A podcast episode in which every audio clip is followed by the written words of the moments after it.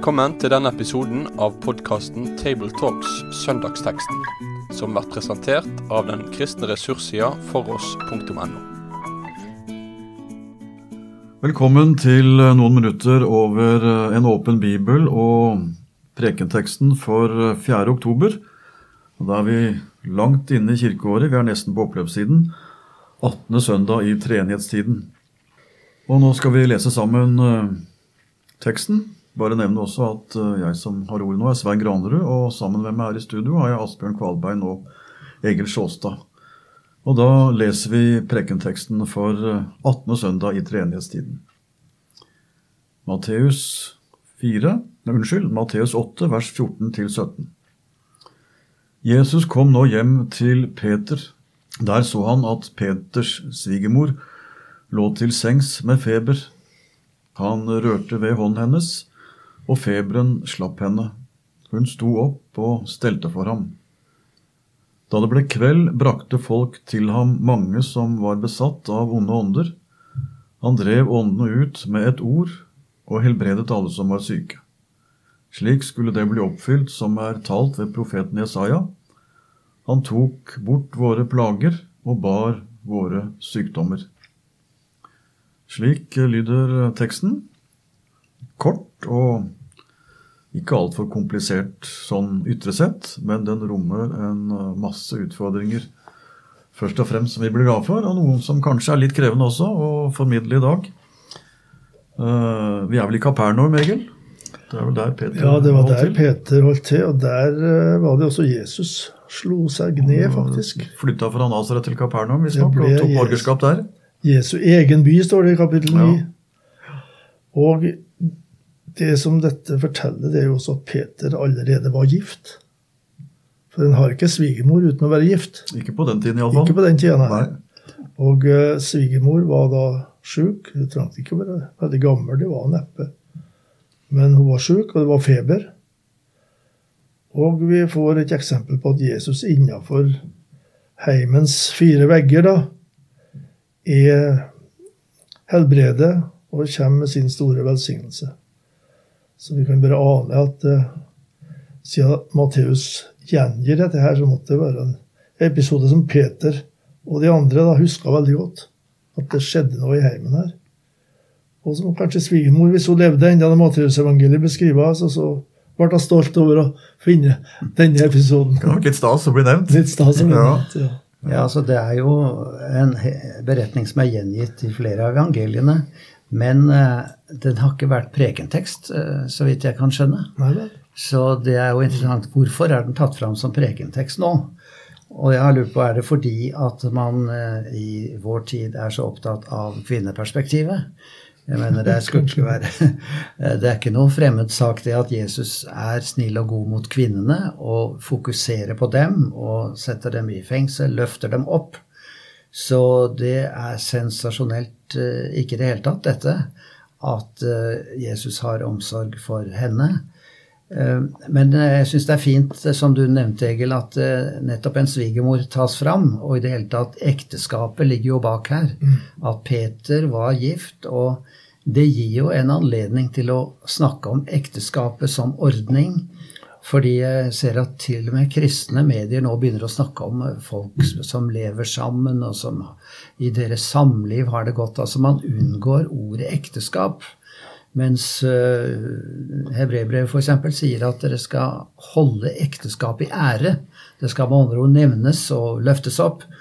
Så jeg syns det er eh, verdt å nevne her at Peter, som jo har en veldig allsidig tjeneste både før og etter dette her, han var gift og kombinerte altså et familieliv med det å være en Herrens tjener, og det er mulig. Og så skinner det gjennom en slags kvinnerolle her, da, at eh, så snart hun er frisk, så står hun opp og steller for ham. Altså, det hadde ikke stått om en mann, antagelig. Eh, og det er ikke dermed sagt at kvinner automatisk skal være de som eh, varter opp og steller. Men sånn var det i hvert fall naturlig på denne tiden. Og det har Jesus på en måte også helliggjort, og det er eh, nevnt av Matteus. Det er jo også nevnt av Paulus i et av hans brev, jeg tror det første korinterbrev, der han kaller Peter Kefas, som er da det hebraiske navnet for Peter. Og så sier han at Paulus sjøl ikke har noen ektefelle, men Kefas og noen andre har ektefeller, og Kefas sin ektefelle var med på evangeliseringsframstøt og misjonsreiser. Så, så, Peter og kona da, opererte sammen, tydeligvis, mm -hmm. i en del av disse reisene. Ja da, Det er jo spørsmål hvor stort vi skal gjøre temaet, men det er klart at opp gjennom kirkens historie så har dette med ekteskap og sølibat og altså være alene vært drøfta med tanke på både kristen tjeneste og, og, ikke minst når man står i åndelig lederskap og, og, sånn. Og Paulus har jo valgt jo å være alene så langt vi ser, mens han nevner veldig tydelig at noen ikke gjorde det, og at det også er greit. Så det var vel i og for seg greit også da reformasjonen kom, at uh, ekteskapet ble løftet opp i aktelse og ære også for dem som sto i en tjeneste, var som prest eller andre åndelige lederoppgaver. Så vi får være glad for at vi står i en sånn tradisjon. Og tale ekteskapet varmt og godt inn også i det som har med tjenesten å gjøre. For et ekteskap som gjenspeiler den gjensidige kjærlighet som ikke minst Paulus taler om, det er også med og vitner om den kjærlighet vi selv har fått. Så, så vi, vi, bør si litt om det. Men øh, når det er sagt, øh, så vil jo Matteus løfte opp fram Jesus som helbrederen. Mm. Og hver gang Matteus gjør det, har vi jo lært, så er det for å løfte fram Jesus som en som oppfyller Skriftene, en som går inn i den rollen og oppgaven som eh, menneskesønn og Messias har. Eh, hvor konkret skal vi være på å tale om hebredelsen her som et synlig tegn på kristendom og evangelisering? Er det bare Jesus som gjør det? Hva kan vi gjøre? Her vet vi også at det er mange ting å ta fatt i, både i kirkehistorien og i vårt samtid, Asbjørn? Ja, absolutt, og det er stadig aktuelt. Jeg så en som siterte, og han hadde hørt en predikant som på Kanal 10 faktisk hadde sagt det slik Nå må du velge om du tar Gud på ordet, eller om du fortsatt vil være syk. Altså, det er en forferdelig sjelesorg å si. Altså, her ligger det jo liksom implisitt at Jesus helbreder fort vekk, og alle. Eh, men virkeligheten er jo ikke sånn i vår tid. Og det er jo ikke god sjelesorg å si at uh, du mangler tro. Du, du tar ikke Gud på ordet hvis du nå fremdeles er syk. Å si sånt er jo nesten giftig, vil jeg si. Men uh, samtidig skal vi ikke gjøre Jesus liten. Han kan gripe inn i menneskers liv, men slik han vil, på det tidspunktet han vil, og på måten han griper inn, det må vi overlate til ham. Så når det står at han helbredet alle som var syke, så er ikke det et generelt utsagn som uh, Den kristne kirke skal forfølge? Det var vel en historisk eh, beretning. Det skjedde mm. der og da. For veldig mye av det Jesus gjorde, er jo preget av et tegn som, preger, som peker mot Guds rike, som nå er kommet. Uh, mens vi på en måte skal leve litt bedre under anfektelsen og håpet mens vi venter på at Guds rike skal bryte inn for fullt. Det har brutt inn, men snart skal det bryte inn for fullt. Det tror jeg er veldig viktig å hjelpe folk til å se. Altså. En sånn tekst som dette her er jo primært en forkynnelse av Jesus, eh, hvem han er. Og da blir det også hvem Jesus er i forhold til det som trenger å forløses. da. Så til slutt skal vi forløses. Det er et sånt nytestamentlig uttrykk. Vår forløsning studerer til. og Da gjelder det alle som har tatt imot tilgivelse for sine synder. De skal oppleve dette her. Eh, full forløsning fra alle syndefallets følger for livet. Jeg husker Ole Øystese, som nå er død, da, men som var på NLA i mange, mange år. Han har i en bok skissert fem ulike typer undergjerninger som Jesus gjorde. Og der alle, egentlig i lys av evangeliene, og især Johannes evangeliet, er et tegn. Og alle motsvarer, altså det Jesus gjorde, motsvarer kriser som syndefallet førte med seg utdrivelser av onde ånder, helbredelser, død, redning i nød og mettelse i, i hunger. Alt dette her forløses vi ved Jesu uh, undergjerninga, all den nøden som dette avspeiler, skal vi forløses ifra på den ytterste dag. Så langt fram må vi med en sånn tekst. Mm. Vil du skille da mellom uh, åndsutdrivelse, som nevnes først her, og helbredelse av syke? Øystese gjorde det i den artikkelen, det husker jeg. Og ikke all åndsutdrivelse har sykdom i sitt følge. Ikke all besettelse har sykdom i sitt følge. Det går ikke an å konkretisere en besettelse i form av en bestemt diagnose. Så er, vi må skjelne mellom helbredelse og åndsutdrivelse. Ja, jeg tenker også det. Ja. Men det er, det er, en krevende ryddejobb, det her. For, ja, det for uh, både historien og samtiden bringer mange beretninger om uh, sterke saker som, ja. som folk betas av. Mm. Uh, og um, åndsutdrivelse hører vi kanskje mer om fra andre kulturer enn vår egen, mm. selv om det dukker opp litt her også.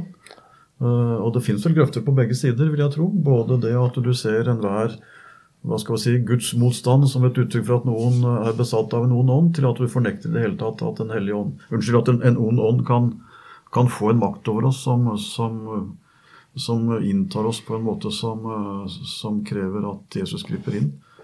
Jeg, jeg, tror vel at den beste måten til å møte den type utfordringer på, er å tale tydelig om hvem Jesus er. For det er vel i møte med Jesus som den personen han faktisk gikk rundt om og var, som også gjorde at konflikten ble synlig mellom det som var av Gud, som Jesus representerte, og det som andre krefter representerer.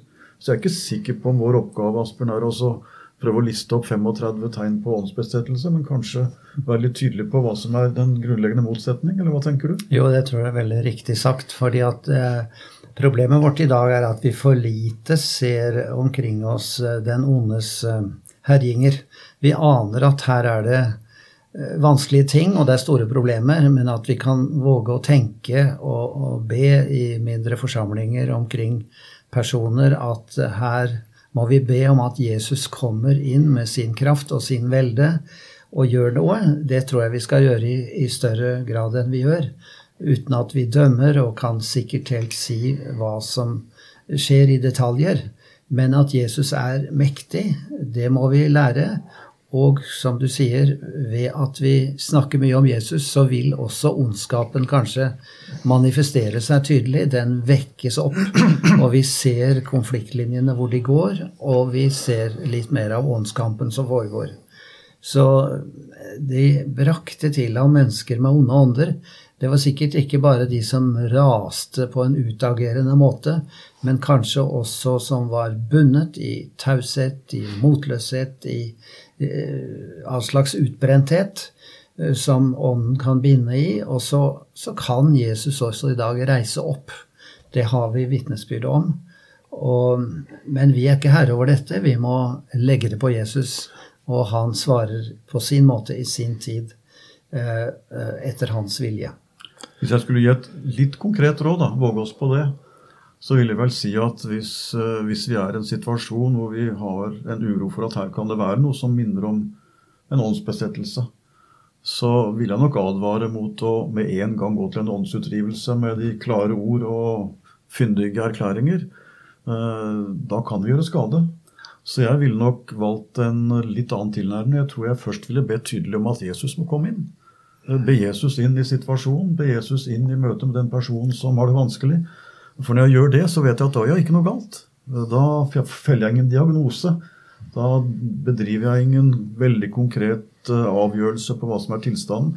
Men jeg ber Jesus inn. Og så har vel jeg i hvert fall den erfaring at der hvor Jesus bes inn, så blir det også tydelig hva som er utfordringen. Kanskje mer tydelig enn det var før. Men da skjer det ved at Jesus kommer i fokus, og ikke at vi med en gang fokuserer på det onde. For det tror jeg nok kanskje har vært en tilbøyelighet i noen miljøer. At det ble selve skaden, den onde ånd, som får fokus. Jeg tenker at hvis han skal ut, hvis han er der, så skjer det best med at jeg løfter Jesus fram. Mm. Så jeg vil nok gått den veien og vært litt konkret på det, tror jeg. Mm. Egil? Ja, jeg tenker på uh, at vi uh, gir djevelen for liten plass i forkynnelsen. Det var provoserende uttrykt. Jeg leste gjennom andre, nei, store katekismer her. og oppdaga at Luther nevner djevelen 70 ganger i katekismen. Og Da tenker du på store og lille? Store, ja. ja. Eh, og i Lille katekisme så er det perspektivet med. altså Det er ikke poenget å nevne djevelen x antall ganger, men det at vi, vi har det, det livssynet, da, der djevelen er en del av virkeligheten. I, i andre trosartikkel, i forklaringen, så står det at jeg tror at Jesus Kristus han er sann Gud, osv. Han har gjenløst meg fortapte og fordømte menneske. Det er det mest provoserende. Frigjort og frelst meg fra alle synder. Fra dødens og djevelens makt. Der sammenfatter Luther med enkle ord det forløsningen dreier seg om. Fra eh, meg fortapte og fordømte menneske, det er syndefordervet. Alle synder som gir seg av det. Men også døden, som vi da blir fri ifra ved Jesu forløsning, og djevelens makt. Alt dette her hører med i frelsen. Ja, dette, dette, er viktig, og her har vi nok en del forsømmelser å hente inn. Så i samband med det jeg nettopp sa også, så tenker jeg at det sunneste vi kan gjøre det vil si Vi skal gjøre to ting. og Det ene er det som du sier nå, at vi må være tydelige på hvilken virkelighet vi befinner oss i. Vi befinner oss i en virkelighet som består i en konflikt mellom det onde og det gode, og enda mer den onde og han som er god og hellig, og som eh, har og vil seire over den onde.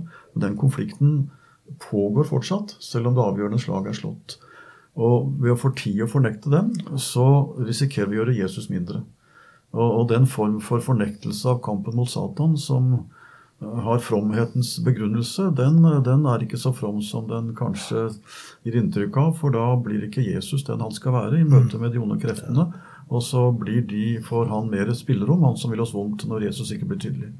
Men så fins en grøft der som jeg også vil nevne, og det er jo nettopp at man blir så fokusert på åndskraft og det onde og alle konfliktene at det blir nesten en slags tyngdepunktoverføring fra mm. Jesus' fokus til fokus på det onde. Og da kan også fromheten få en slagside som er farlig. Så jeg tenker det er ved å tale tydelig om Jesus at vi er mest offensive i møte med den og det onde. Så sterkt Jesus-fokus, han i sentrum. Og så må vi lære Jesus til å tale tydelig at det er en som vil oss vondt. Men skal vi møte han reelt, så må vi tale mye om Jesus. Ja, veldig bra. Når det gjelder denne teksten, da, så er vi enige om at det er en veldig enkel beretning og veldig klart på en måte, men den som er sjuk og hører dette, kan veldig bli anfektet, tror jeg, fordi her står det jo om at Peters svigermor så å si ble helbredet ved et fingerknips, og, og det kommer løftet om at Jesus han drev ut absolutt alle onde ånder og helbredet alle, og dette er i samsvar med profetien. Så hvorfor skjer ikke dette med meg, og hvorfor får ikke jeg oppleve de herlige tingene som her fortelles om? Altså, vi må møte den nøden som vi også må være med å dele, at vi forstår ikke Gud helt ut. Vi forstår ikke Jesus, at han ikke gjør det samme i dag. Eh, men det er som Augustin sier, vi snakker om Gud, og, og da er det da så underlig at du ikke forstår ham. Nei, hvis du forstår ham, så er det ikke Gud det dreier seg om, skrev Augustin. Så vi forstår ikke alt ved Gud, men eh, vi må holde oss til hva Jesus gjorde, og hva han sa, og at det han sa og gjorde, er oppfyllelse av Skriften. Så det må vi tro, og at Guds rike er kommet på en måte, men det kommer i sin fylde, og det skal alle som tror på ham, få oppleve i sin herlighet i sin tid.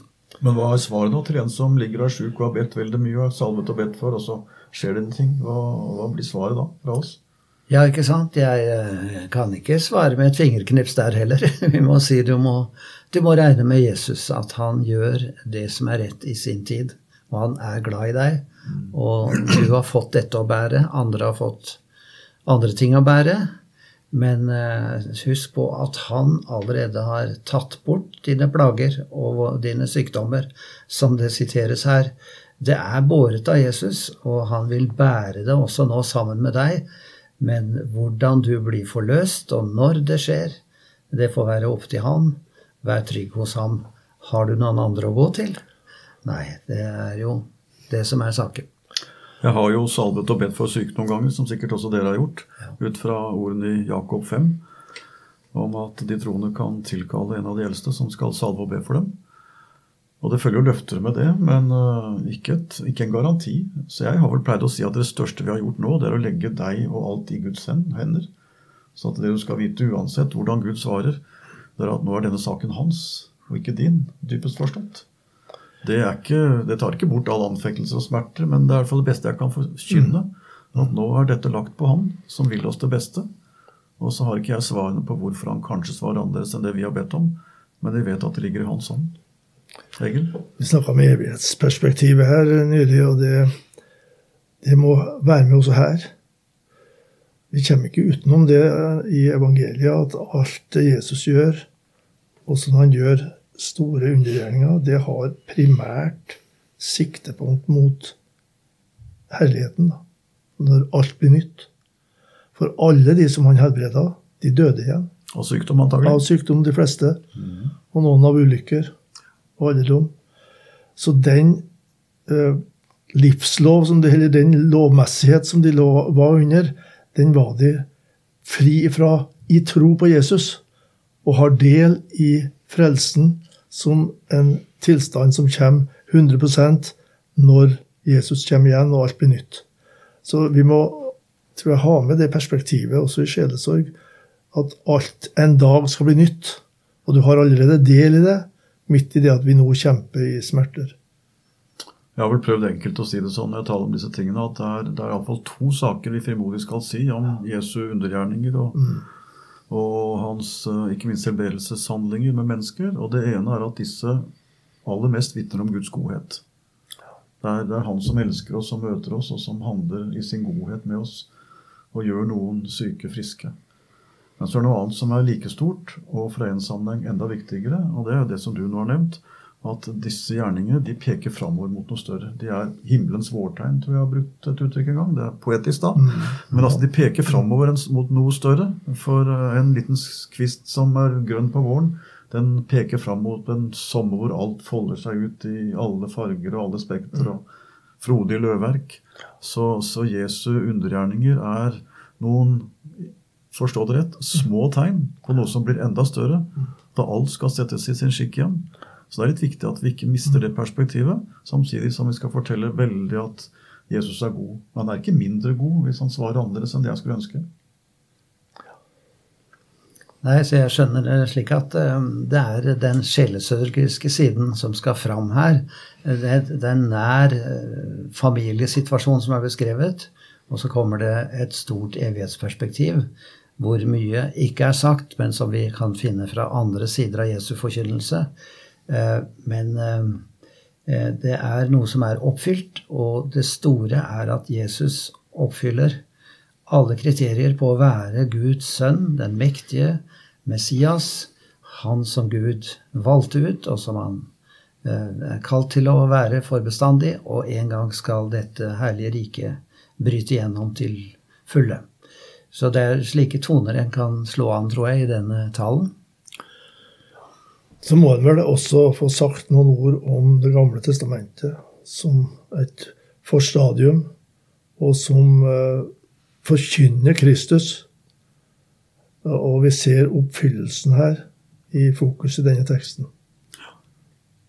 Det må vi ha med. Det må vi ha med. For som vi sa så innledningsvis, ikke minst Matteus, men det gjelder jo alle evangelistene, men Matteus ikke minst er jo opptatt av å løfte fram at det Jesus gjør, og hvem han er, det skjer for at Skriftene skulle oppfylles. Så Matteus vil lære sine lesere at det som skjer, det skjer fordi Gud ville det sånn. Og så har jeg lyst til bare å si at da det ble kveld, så står det at de brakte folk til ham som om besatt onde ånder. Det betyr vel ikke nødvendigvis at vi skal gå rundt oss og taue inn folk. Vi skal forkynne om Jesus, sånn at de får frimodighet til å komme. Så vi må ikke bare være opptatt av å begrense misforståelse, men også løfte fram evangeliet om at vi har en frelse som lar oss komme først og fremst med våre synder, men også våre plager og vår nød. Så vi får be om visdom dere til å tale godt og frimodig om dette nå på søndag og alltid videre. Mm, takk for praten. Med det sier vi takk for følget for denne gang. Finn flere ressurser, og vær gjerne med å støtte oss på foross.no.